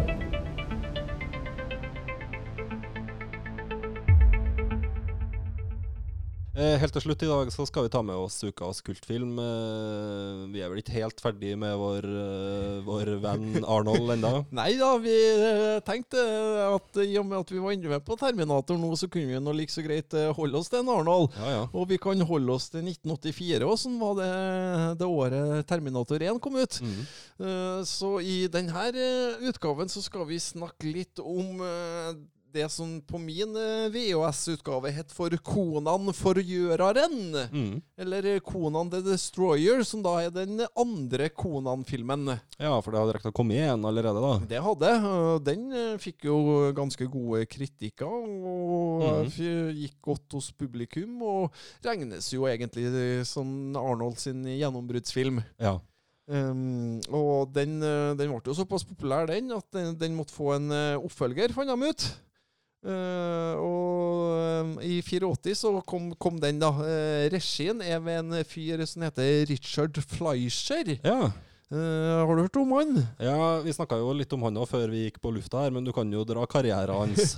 Han er jo eh, først og fremst eh, så, så var han jo sønn til det derre Fleischer Max Fleischer, som var den store Disney-konkurrenten på 30-tallet. Spytta ut masse, masse tegnefilmer. Ja. Uh, og han Richard her da fikk jo sin egen regikarriere, og ble jo fort eh, en av eh, Hollywoods største regissører sånn på 50-60-tallet, med, med filmer sånn eh, En som eh, Sailing eh, under havet og Boston Strang Strangler og, og flere sånne storfilmer. Vant jo òg en Oscar, gjorde han. Mm. Men sånn utover 80-tallet og sånn da, så begynte jo karrieren å, å dabbe av, og det vis, viser vel seg at han er vel kanskje egentlig ikke den beste regissøren, i hvert fall når det kommer til skuespill og, og sånne ting. da. Nei, er du- eh, rimelig svak. Ja, fløyt litt på navnet. Mm, så, så han går jo faktisk for å være Hollywoods mest ustabile regissør, der han har ordna kullkalkuner som ikke ligner grisen, men også de store klassikere i filmhistorien. Ja. Um, det er, den her, jeg fikk jo tak i den her konaen gjøre den på Blu-ray, vet du. Og det, da, den måtte jeg kjempe litt for å få tak i på Blu-ray. For at den var bare tilgjengelig eh, på, i, Den er bare gitt ut i Sverige på Blu-ray. ja. Jeg har ikke hørt noe annet navn på den enn Konan forgjøreren. Jeg tror den het noe på 90-tallet òg. Jeg gjorde det! Eh, For, så jeg måtte jo ta kontakt med svenske CD-On Ja. og be dem om, å, om det ikke gikk an å legge ut den her på norske CD-On. Mm. Og etter mye om og men, da, så fikk jeg gjennom det. At jeg Ja. kunne få kjøpt den. Så nå, dere som hører på, takket være meg, så er det mulig å få kjøpt kjøpt Konan forgjøreren via cdhånd.no Ja. for 149 kroner. Ja, men det er den sikkert verdt. Det er den så absolutt verdt. Og, um, og det passer jo bra at jeg har den kjøpt den fra Sverige, for det var jo fra Sverige jeg hadde den VHS-utgaven min òg. Mhm. men det vi kan se, da, at det er jo en veldig kraftig oppdatering her i forhold til lyd og bilde, jf. den VHS-kassetten jeg hadde fra Scanbox i sin tid. Den var, Ja. For den var sånn under pari òg, ikke sant, i Ja, ja. forhold til Ja. bildekvaliteten. Scanbox hadde ikke noe sånn all verden til rykte på 90-tallet. De gikk for å være litt, litt sånn halvveis, gjorde de ikke det? De Hvorfor, hvor- hvordan, hva- hvordan rota de seg til det? Eh, Nei, altså Scanbox de baserte vel seg mye på å ha uavhengige produk produksjoner. De Mhm. hadde ikke distribusjonsrettighetene til de store selskapene, og da ble det mye, mye ymse. Ja. Det. Men i, i, i Danmark så har, hadde de rettighetene til mye av filmene som svensk filmindustri har i Norge. Så i Danmark så hadde de nok et større For det er jo et dansk selskap, så der har, da har de nok større legitimitet. For da, da, da hadde de filma sånn Evita og Fargo og sånn på, på, Ja, på, på, Ja, 90-tallet. da. ja, det vi ser av konene forgjøreren, er jo òg at den har veldig påkosta sett og kostymer, så de har lagt mye penger i denne her, filmen. Var den første en hit, da? Ja, den, den, Så den, fikk, den her fikk en del penger å jobbe med? og der Terminator 1 har kosta 6 millioner dollar, eh, så kosta Konan forgjøreren eh, 18 millioner dollar. Ok, den så det er en ganske er stor produksjon. Ganske så stor produksjon, altså. Mm. Eh, en av, eh, en av film, grunnene til at jeg må ha den på kultfilm, det er jo fordi at eh, i, i åpningsscenen her så har man jo blant annet ei scene der Arnold slår ned en hest. Ja, en fin den, vet du. Dundrer en rett ned. Vi er, vi er der, ja. Vi begynner der. Vi begynner der, så. Og ellers så er nå handlinga noe sånn eh, kjapt om at det er ei eh, trolldame da, som skal få en kona til å stjele en sånn her juvel. Ja. Og den juvelen kan bare brukes av ei ung prinsesse. Og så skal jeg vel planen til trollkvinna å ofre hun da, så får hun okay, verden som død, herredømme og, og greier. Og ellers så har vi noen klassiske scener der Arnold slåss mot et eh, monster i et sånn speilrom. Ja. Ja, ja, eh, fryktelig fancy, fancy sånn greier, da. Enter the Dragon Uh... Absolutt. Eh, det er det. Um, og, og med på denne um, turen da, for å finne denne juvelen, så møter jo Arnold på villdyret Grace Jones. Ja ja. Eh, det, det det står på coveret, iallfall villdyret Grace Jones er i toppform i denne storfilm. ja. Eh, eh, og ja, hun bruker jo det meste av filmen til å gå rundt og brøle. Ja.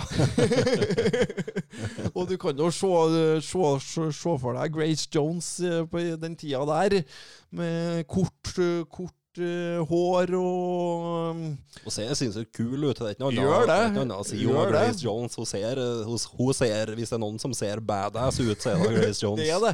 Og, og det blir jo ikke noe mindre badass eh, av at i den filmen her, da, så er det jo det du sitter og ser på mye godt, er jo at en Arnold drar rundt og springer rundt i ulltruse, mens, eh, mens Grace Jones har på seg noen sånn eh, SM-kostymer, og slag, noe lær i veldig korte, eh, veldig tynt der. Så Ser ut som han er smurt inn litt òg, Arnold her, da. han er nok smurt inn med både det ene og det andre, tenker jeg, for å, for å få, det, få, det, få det bra, det her.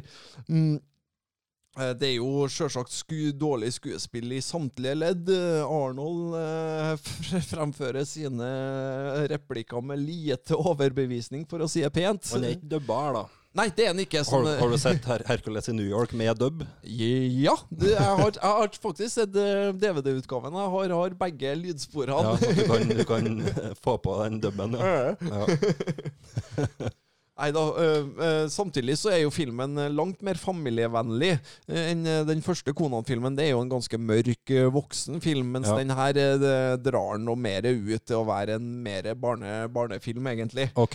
Ja. Den er litt tøysete, eller litt sånn 80-talls Ja, veldig, veldig, veldig tøysete og 80-talls. Um, Det som overraska meg litt når jeg holdt på å sjekke tallene i forhold til hva den kosta og hva den tjente inn, så kosta den jo atskillig mer enn Terminator 1, men det som var overraskende, var at den faktisk tjente inn mer penger enn Terminator 1. Ja.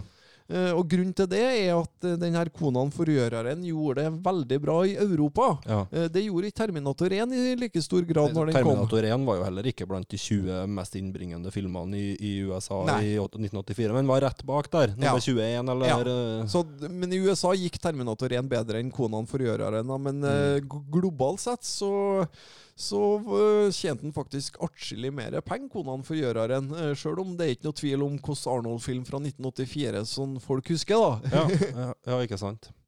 Så nei, jeg anbefaler veldig øh, med den riktige innstillinga, da. øh, Konan forgjøreren. For det er jo en gromfilm, da, vet du. Det Ja, ja. er jo mye artig i den. Og, er, og, og hvis du liker filmer der du kan Der du setter pris på overdrevet dårlig skuespill, men samtidig så har man lagt inn mye penger i det, da, så at alt av kostymer og effekter og sånn ser veldig bra og ekte ut.